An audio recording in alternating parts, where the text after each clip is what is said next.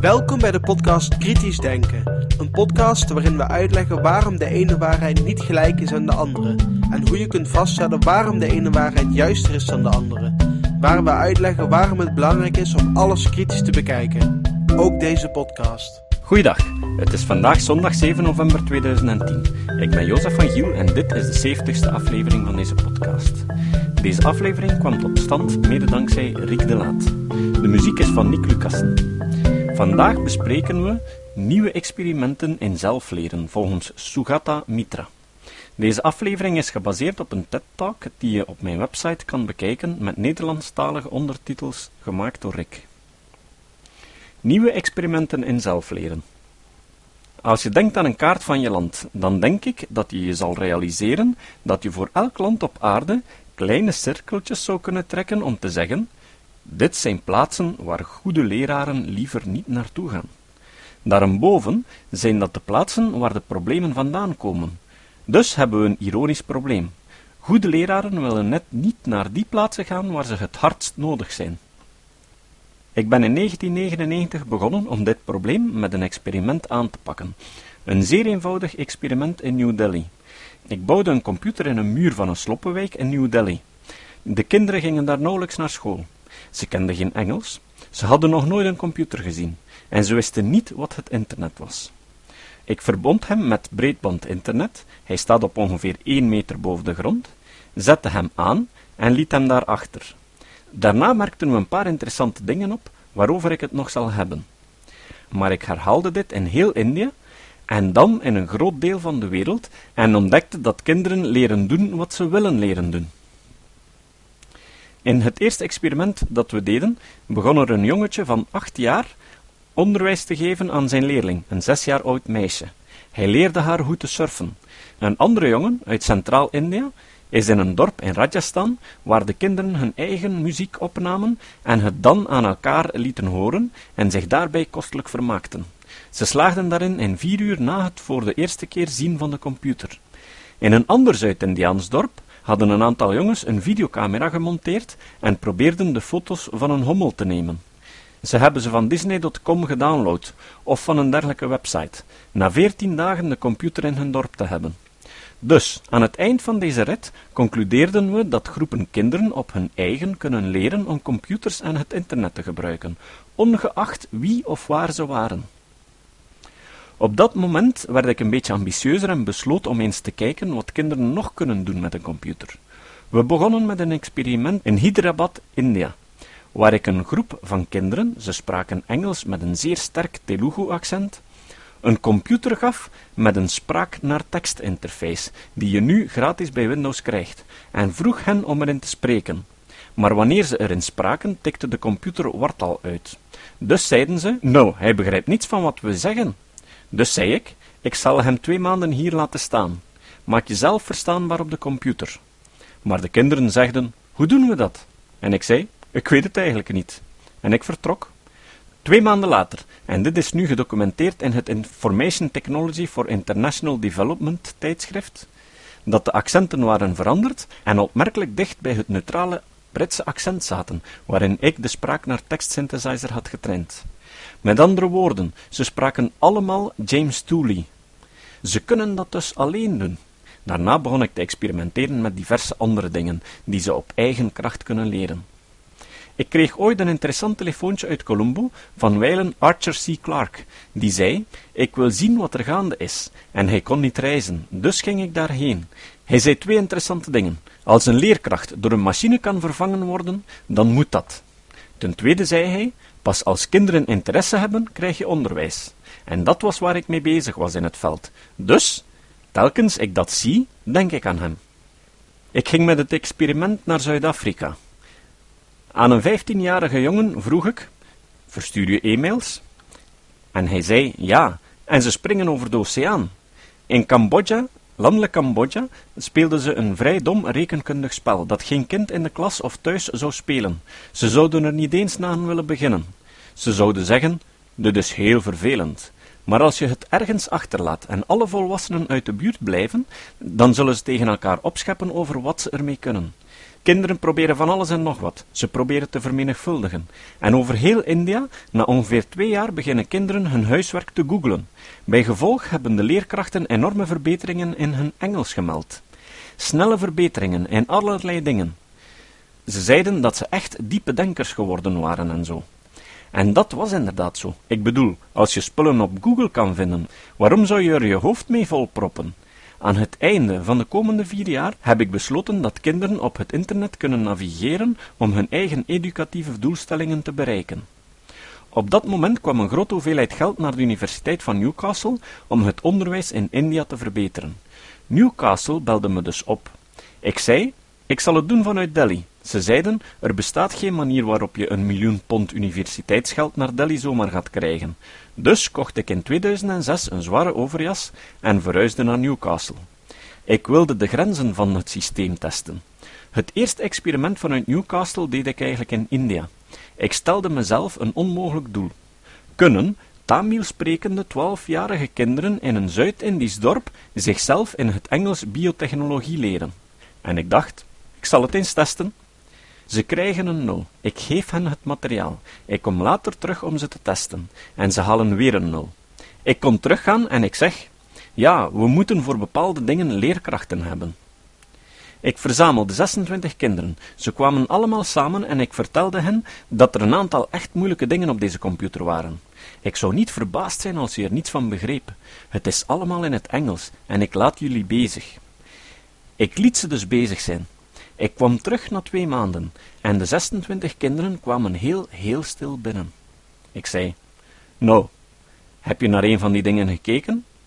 Ze zeiden: Ja, dat hebben we gedaan. Heb je er iets van begrepen? Nee, niets. Dus zei ik: Wel, hoe lang zijn jullie ermee bezig geweest voordat jullie besloten dat je er niets van begreep? Ze zeiden: We zijn er elke dag mee bezig geweest. Dus zei ik: zijn jullie twee maanden bezig geweest met zaken waar je niets van begreep? Een twaalfjarig meisje steekt haar hand op en zegt, letterlijk, Afgezien van het feit dat onjuiste replicatie van het DNA-moleculen de oorzaak is van genetische ziektes, hebben we niets anders begrepen. Het kostte me drie jaar om dat te publiceren. Het is net gepubliceerd in de British Journal of Educational Technology. Een van de besprekers van het artikel schreef: Het is te mooi om waar te zijn wat niet erg leuk was. Nu had een van de meisjes zichzelf geleerd om de leraar te worden. Vergeet niet dat ze geen Engels spreekt. Hun scores waren gestegen van 0 tot 30 procent, wat een educatieve onmogelijkheid is onder de gegeven omstandigheden. Maar 30 procent is niet geslaagd. Ik ontdekte dat ze een vriendin hadden, een plaatselijke accountant, een jong meisje waarmee ze mee voetbalden. Ik vroeg dat meisje, wil je ze genoeg biotechnologie leren om te slagen? En ze zei, hoe zou ik dat doen? Ik ken daar niets van. Ik zei, nee, gebruik de methode van de grootmoeder. Ze zei, wat is dat? Ik zei, nou, wat je moet doen is achter hen gaan staan en ze de hele tijd bewonderen. Zeg gewoon tegen hen, wauw, dat is cool, dat is fantastisch. Wat is dat? Kunnen jullie dat ook weer? En kun je me nog meer laten zien? Ze deed dat gedurende twee maanden. De scores gingen naar 50%. Dat is wat de deftige scholen van New Delhi met een daartoe opgeleide leerkracht biotechnologie behaalden. Ik kwam dus met deze resultaten terug naar Newcastle en besloot dat er daar iets aan het gebeuren was dat de moeite waard was. Dus, na experimenten in allerlei afgelegen plaatsen, kwam ik naar de meest afgelegen plek die ik kon bedenken. Ongeveer 5000 mijl van Delhi ligt de kleine stad Gateshead. In Gateshead nam ik 32 kinderen en begon ik de methode te verfijnen. Ik deelde ze in, in groepjes van vier en zei, je maakt nu je eigen groepen van vier. Elke groep van vier mag één computer en geen vier computers gebruiken. Vergeet niet van de hole in de wall dat je van groep kan verwisselen. Je mag naar een andere groep overstappen als je eigen groep je niet ligt of zo. Je kan naar de andere groep gaan, daar wat meekijken, zien wat ze doen, en dan terugkomen naar je eigen groep en beweren dat het je eigen werk is. En ik heb hen uitgelegd dat veel wetenschappelijk onderzoek gebruik maakt van deze methode. De kinderen waren enthousiast en vroegen: Wat wil je dat we doen? Ik gaf hen zes GCSE-vragen. De eerste groep, de beste, had alles opgelost in 20 minuten, de slechtste in 45. Ze gebruikten alles wat ze wisten: nieuwsgroepen, Google, Wikipedia, Ask Jeeves enzovoort. De leraren zeiden, is dit diep leren? Ik zei, nou, laten we het proberen. Ik kom terug na twee maanden. We geven hen een test op papier, zonder computers, niet praten met elkaar enzovoort. De gemiddelde score met de computers en de groepen was 76%. Toen ik het experiment deed en na twee maanden de test, was de score 76%. Er was fotografische herinnering bij de kinderen. Ik vermoed dat ze het met elkaar bespraken. Eén enkel kind voor één enkele computer zal dat niet doen. Ik heb verdere resultaten, die bijna niet te geloven zijn, van scores die omhoog gaan met de tijd, omdat hun leraren zeggen dat nadat de sessie voorbij is, de kinderen verder blijven googelen. Hier in Groot-Brittannië deed ik een oproep voor de Britse grootmoeders na mijn experiment. Nou, weet je dat Britse grootmoeders zeer energieke mensen zijn? 200 gaven zich onmiddellijk op als vrijwilliger. De afspraak was dat ze me bij hun thuis één uur breedbandtijd zouden geven, één dag per week. Dus deden ze dat. En in de afgelopen twee jaar zijn meer dan 600 uur instructie gegeven via Skype met behulp van wat mijn studenten de oma-wolk noemden. De oma-wolk zit daar. Ik kan ze naar elke school die maar wil doorsturen. Terug in Gateshead begrijpt een tienjarig meisje de essentie van het Hindoeïsme in 15 minuten. Je weet wel, dingen waar ik niets over weet. Twee kinderen kijken naar een TED-talk. Daarvoor wilden ze voetballers worden. Na het bekijken van acht TED-talks wilden ze Leonardo da Vinci worden. Momenteel ben ik bezig met SOLIS, de Self-Organized Learning Environment. Het meubilair is zo ontworpen dat de kinderen voor grote krachtige schermen kunnen gaan zitten met grote breedbandverbindingen, maar altijd in groepen. Als ze willen, kunnen ze bellen met de oma-wolk. Dit is Sole in Newcastle. De mediator is van India. Dus, hoe ver kunnen we gaan? Nog even en ik stop. Ik ging in mei naar Turijn. Ik stuurde alle leraren weg uit de buurt van mijn groep van tienjarige leerlingen. Ik spreek alleen Engels en zij alleen Italiaans. Dus hadden we geen manier om te communiceren. Ik begon met Engels vragen te schrijven op het bord. De kinderen keken ernaar en zeiden: Wat? Ik zei: Nou, doe het. Ze typten het in in Google, vertaalden het in het Italiaans en gingen terug naar de Italiaanse Google. Vijftien minuten later. Volgende vraag: Waar is Calcutta? Daarvoor hadden ze slechts tien minuten nodig. Ik probeerde dan met een echt moeilijke. Wie was Pythagoras? En wat deed hij? Er viel een stilte voor een tijdje. Toen zeiden ze: Je hebt het verkeerd gespeld. Het is Pythagoras met y. En dan, na twintig minuten, begonnen de rechthoekige driehoeken te verschijnen op schermen.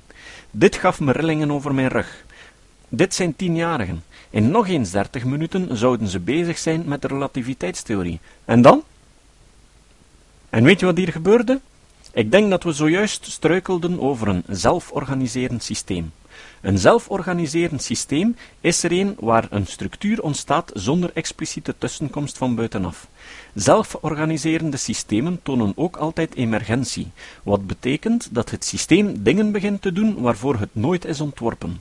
Wat de reden is waarom u er op die manier op reageert, omdat het onmogelijk lijkt. Ik denk dat ik nu een gok kan maken. Het onderwijs is een zelforganiserend systeem, waar het leren een emergent verschijnsel is. Het zal een paar jaar duren om dat experiment te bewijzen, maar ik ga het proberen. Maar in de tussentijd is er een methode beschikbaar. Voor 1 miljard kinderen hebben we 100 miljoen bemiddelaars nodig. Er zijn er veel meer dan dat op de planeet. 10 miljoen solis, 180 miljard dollar en 10 jaar. We zouden alles kunnen veranderen. Dank u. Het citaat. Het citaat van vandaag komt van Aldous Huxley. Aldous Huxley is een groot science-fiction auteur uit het begin van de 20e eeuw. Zijn bekendste werk is A Brave New World, een prachtig boek dat je absoluut moet gelezen hebben. Als er scholieren luisteren naar deze podcast, dan is dit boek misschien een tip voor een boekbespreking. Het boek vertelt over een ideale wereld in de toekomst dat vooral gericht is op plezier en economisch nut. Toch lijkt het niet direct op een wereld waarin je zou willen leven. Het hoofdpersonage is een man genaamd John Savage, die uit een reservaat komt, waar men nog volgens oude culturen leeft en die geconfronteerd wordt met een cultuurschok. Dat boek wordt dikwijls ook in één adem genoemd met het boek van George Orwell, 1984 of 1984. Terwijl mensen lang schrik gehad hebben van een toekomstige wereld zoals deze die door Orwell werd voorgesteld, met Big Brother is watching you, lijkt het er echter op dat de wereld veel meer aan het evolueren is in de richting van Huxley's boek.